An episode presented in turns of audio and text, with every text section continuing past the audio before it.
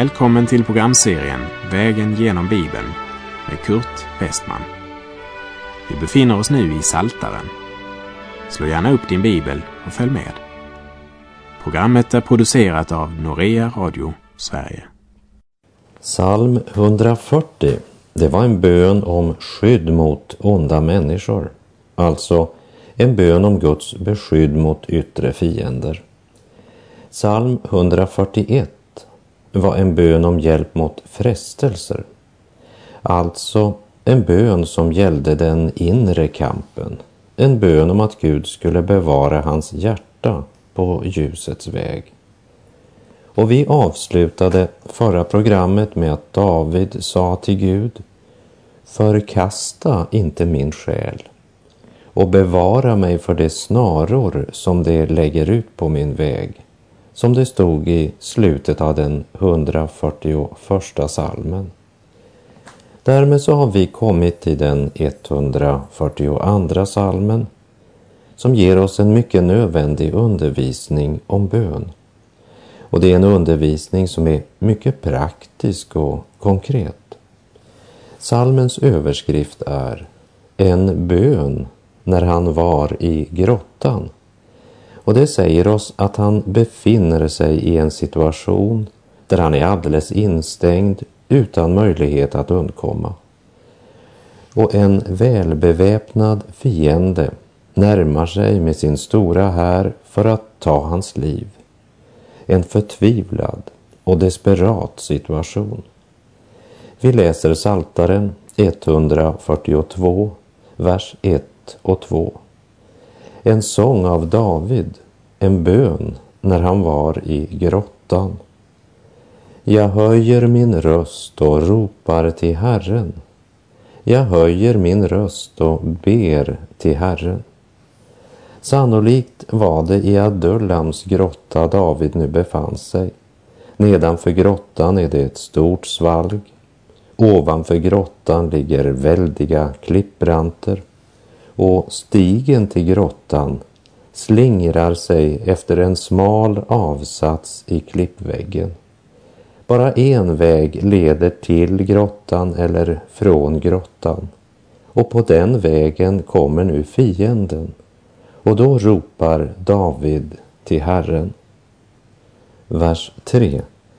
Jag utgjuter mitt bekymmer inför honom och talar med honom om min nöd. Det handlar alltså inte om någon generell bön, men om en högst konkret bön när David i detalj sätter ord på sina bekymmer. Och han säger exakt vad det handlar om. Och all vår bön borde vara konkret och inte generell eller svävande. David döljer inte något för Gud, men lägger hela sitt hjärta hjärta och alla sina tankar öppna inför Gud. Ja, han utgjuter sitt hjärta för Gud. Och vi borde alltid vara detaljerade i vår bön. Både när det gäller förlåtelse för synder och överträdelser och när det gäller våra behov och när det gäller vår lovprisning. Istället för att säga vi lovar dig, vi prisar dig, så nämn hellre konkret vid namn det du tackar honom för. Hans visdom, hans försoningsgärning på Golgata, hans fostran, hans hjälp i en bestämd situation och så vidare. Var konkret. Prisa din Gud med konkreta ord. Och tala med Gud om allt. Utgjut ditt hjärta inför honom. Allt som gläder dig, allt som tynger dig. Utgjut din nöd inför honom, som både kan och vill ge dig tröst. För han är barmhärtighetens fader och all trösts Gud, säger skriften. Utgjut all din glädje inför honom som ger dig en nykter balans. Utgjut all din längtan inför honom som kan rena din längtan. Tala med honom om dina frestelser så att han kan vara din sköld emot dem. Berätta för honom hur din själviskhet får dig att behandla andra orättvist. Tala öppet om den mask du bär på grund av din stolthet. Utgjut ditt hjärta inför Gud utan att försöka dölja något. Bär ej din börda ensam. Tala med Gud om allt.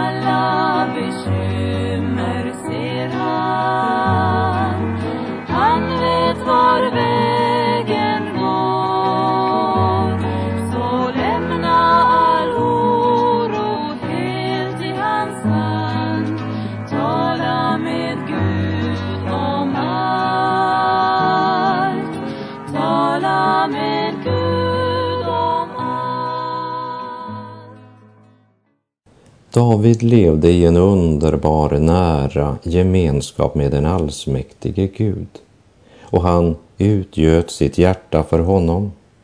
David är som ett jagat djur som nu inte har någon flyktväg.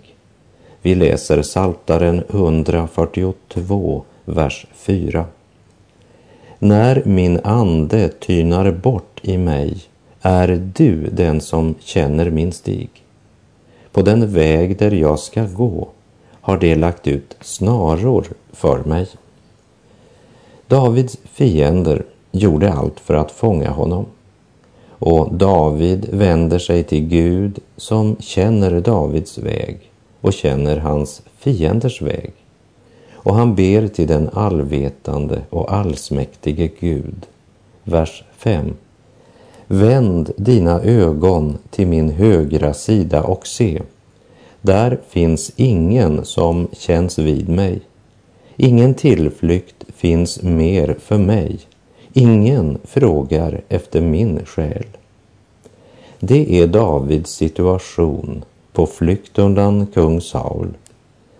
Men längre fram börjar det komma sådana som ansluter sig till David som vi minns ifrån första Samuelsboken 22, vers 2 där det står och till honom församlade sig alla slags män som var i något nödläge, alla som ansattes av fordringsägare och alla missnöjda, och han blev deras hövding. Omkring 400 man slöt sig så till honom. Och David visste att dessa som kom, de var sända av Gud. Vi läser verserna 6 till och med 8. Jag ropar till dig, Herre. Jag säger, du är min tillflykt, min del i det levandes land. Lyssna till mitt rop, ty jag är i stort elände. Rädda mig från mina förföljare, de är för starka för mig.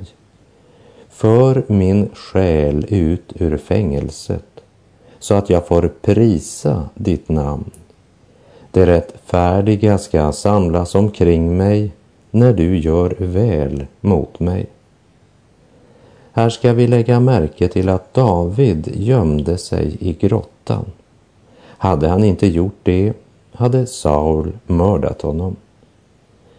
Men kan man då säga att David litade på Gud om han gömde sig i grottan?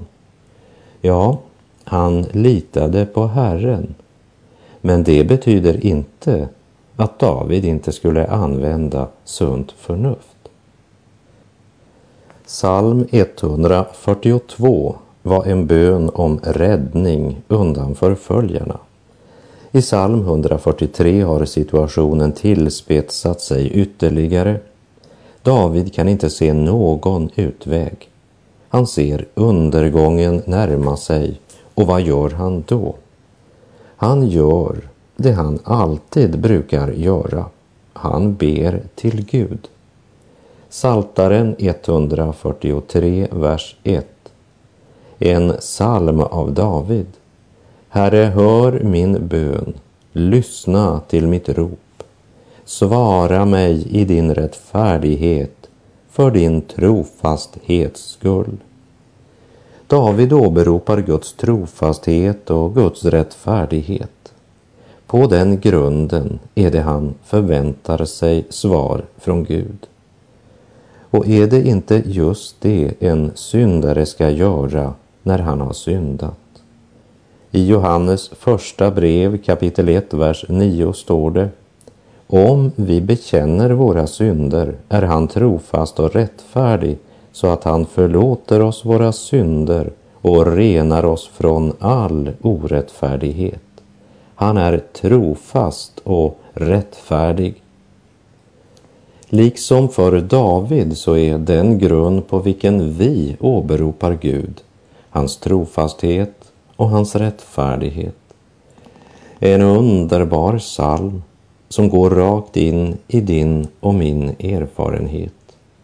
Och detta är också nationen Israels bönerop. Detta är deras hopp när de på nödens dag ska åkalla honom och han ska inte svika sitt löfte.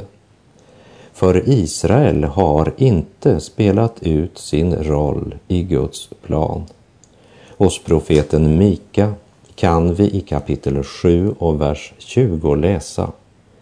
Du ska bevisa trofasthet mot Jakob och nåd mot Abraham som du med ed har lovat våra fäder i forntidens dagar. Och från vår vandring genom Andra Mosebok minns vi från kapitel 2, verserna 24 och 25. Och Gud hörde deras jämmer och Gud tänkte på sitt förbund med Abraham, Isak och Jakob. Och Gud såg till Israels barn och Gud lät vårda sig om dem. Varför såg Gud till Israels barn och lät sig vårda om dem? Därför att han är trofast och rättfärdig. Och i Romarbrevet så talar Paulus om för oss vad som är Israels problem idag. Romarbrevet 10.3. De känner inte rättfärdigheten från Gud utan strävar efter att upprätta sin egen rättfärdighet och har inte underordnat sig rättfärdigheten från Gud. Och det är problemet också i Sverige. Man har inte underordnat sig rättfärdigheten från Gud. Antingen har man vänt Gud ryggen och lever efter sin lust. Eller också försöker man att genom egen strävan behaga Gud. Vilket antingen leder till egen rättfärdighet eller förtvivlan. Men Guds ord säger i Apostlagärningarna 4, vers 11 och 12. Jesus är stenen som ni byggnadsarbetare kastade bort, men som blev en hörnsten. Hos ingen annan finns frälsningen. Inte heller finns det under himlen något annat namn som givits åt människor genom vilket vi blir frälsta. Min vän, din frälsning är redan fullbordad. Det gjorde Gud när han sände sin son för att lida och dö för dina synder. Och han uppstod till din rättfärdiggörelse. Det är fullbordat. Romarbrevet 10.4 säger, ty Kristus är lagens slut, till rättfärdighet för var och en som tror. Vi läser i Saltaren 143, verserna 5 och 6. Jag tänker på dagar som gått och begrundar alla dina gärningar. Dina händers verk är i mina tankar. Jag räcker ut mina händer till dig som ett törstigt land längtar min själ efter dig, Sela. David tänker tillbaka och minns Guds trofasthet emot honom. Gud är trofast och han ska än en gång förbarma sig över David. När David tänker på sina egna gärningar förebrår samvetet och anklagar. Men när han tänker på Guds gärningar och på Guds trofasthet, då fylls han av förtröstan. Den som tänker på Gud och begrundar hans verk längtar efter mer av Gud och räcker ut sina händer. Min själ törstar efter dig, säger David till Gud. I sin bergspredikan sa Jesus i Matteus 5, vers 6. Saliga är de som hungrar och törstar efter rättfärdighet. De ska bli mättade. Vi läser Saltaren 143, vers 7. Herre, svara mig snart, ty min ande förgås. Göm inte ditt ansikte för mig. Låt mig inte bli lik dem som farit ner i graven. David säger till Gud, du är min enda hjälp, mitt enda hopp. Och han fortsätter i verserna 8 till och med 10. Låt mig på morgonen höra om din nåd, ty jag förtröstar på dig. Visa mig den väg jag ska gå, till dig lyfter jag min själ. Rädda mig från mina fiender, Herre, hos dig söker jag skydd. Lär mig att göra din vilja, ty du är min Gud.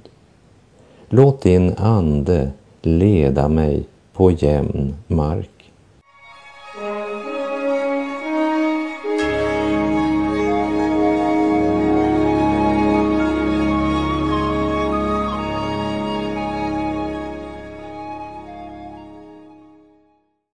När vi nu kommer till den 144 salmen så känner vi igen en del av innehållet från psalm 18 som började med att David sa Hjärtligt kär har jag dig, Herre, min starkhet.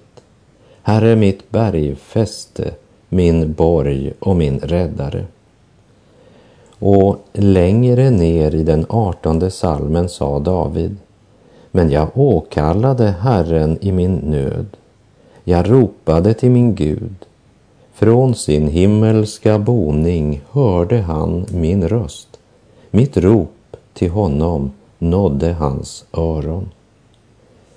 Det vi läste i psalm 18 och det vi nu ska läsa i psalm 144 talar dels om en historisk verklighet som David upplevde men det är också ett profetiskt budskap som talar om Israels lidanden under den stora vedermödan. Men den profetiska dimensionen täcker även den tid i vilken du och jag just nu lever. Den talar om den kamp som ett Guds barn står i medan han är i denna värld. Och aposteln Paulus, han påminner de troende i Rom och skriver i Romarbrevet 15, vers 4. Ty allt som tidigare har skrivits är skrivet till vår undervisning för att vi genom den uthållighet och tröst som skrifterna ger skall bevara vårt hopp. Hur bevarar vi hoppet? genom att studera skrifterna. Ty allt som tidigare har skrivits det är till vår undervisning för att vi genom den uthållighet och tröst som skrifterna ger ska bevara vårt hopp. Vi läser Saltaren 144, vers 1 av David.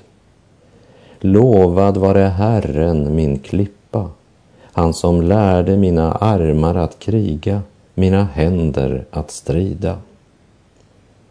Vad menar David? Ja, det handlar inte om skadeglädje. Lägg märke till att han tackar lika mycket för Guds lärdom som för Guds kraft. Och om du hade bott bland Guds utvalda folk vid den här tiden så hade du också känt dig tryggare om du visste att landet hade ett gott och starkt försvar. Någon har felaktigt hävdat att Jesus var pacifist. Han är den som ger människan frid i hjärtat och frid med Gud i kraft av syndernas förlåtelse. Men han är också den som i Lukas 11.21 sa när den starke beväpnad vaktar sin gård får hans ägodelar vara i fred. Och det är just det David säger i den här salmen. Det är sant att Jesus är fridsförsten. Men han gjorde det också klart att det kommer inte att bli någon fred på jorden förrän han kommer igen och upprättar sitt rike. David prisar Herren som lärde hans händer att strida och så fortsätter han i vers 2. Min nåds Gud och min borg, mitt värn och min räddare, min sköld och min tillflykt, han som lägger folk under mig. David kallar honom för min nåds Gud, min tillflykt. Han förlitar sig alltså inte på sina egna händers styrka, även om det var Gud själv som hade lärt hans händer strida. När jag läser det här så går mina tankar till Jesu ord i Johannes 15.5. Om någon förblir i mig och jag i honom bär han rik frukt. Ty utan mig kan ni ingenting göra.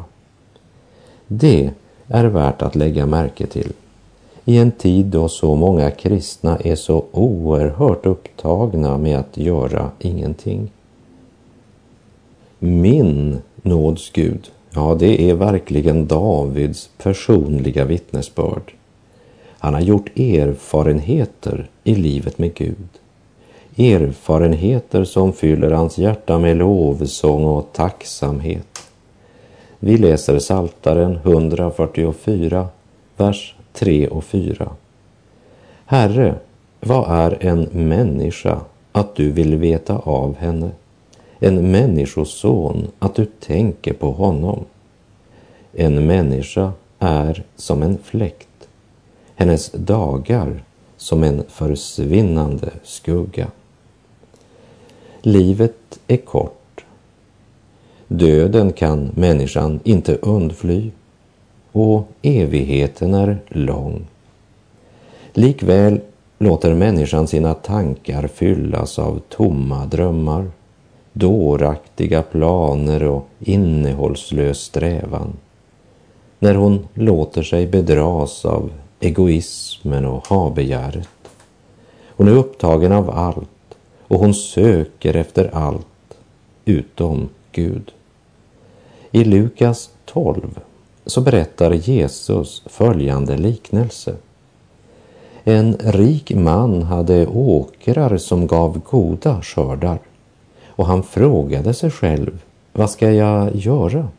Jag har inte plats för mina skördar. Så här vill jag göra, tänkte han.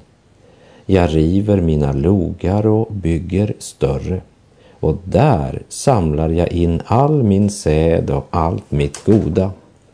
Sedan vill jag säga till mig själv, kära själ, du har samlat mycket gott för många år. Ta det nu lugnt, ät, drick och var glad. Men Gud sade till honom, du dåre, i natt ska din själ utkrävas av dig. Och vem ska då få vad du har samlat ihop? Så går det för den som samlar skatter åt sig själv men inte är rik inför Gud. David säger, en människa är som en fläkt. hennes dagar som en försvinnande skugga. Bergens skuggor förändrar sig hela tiden allt eftersom solen flyttar sig. Skuggan är här i ena ögonblicket, borta i nästa. Så går det också med människan som varje dag närmar sig det ögonblick då hon ska skiljas från denna världen.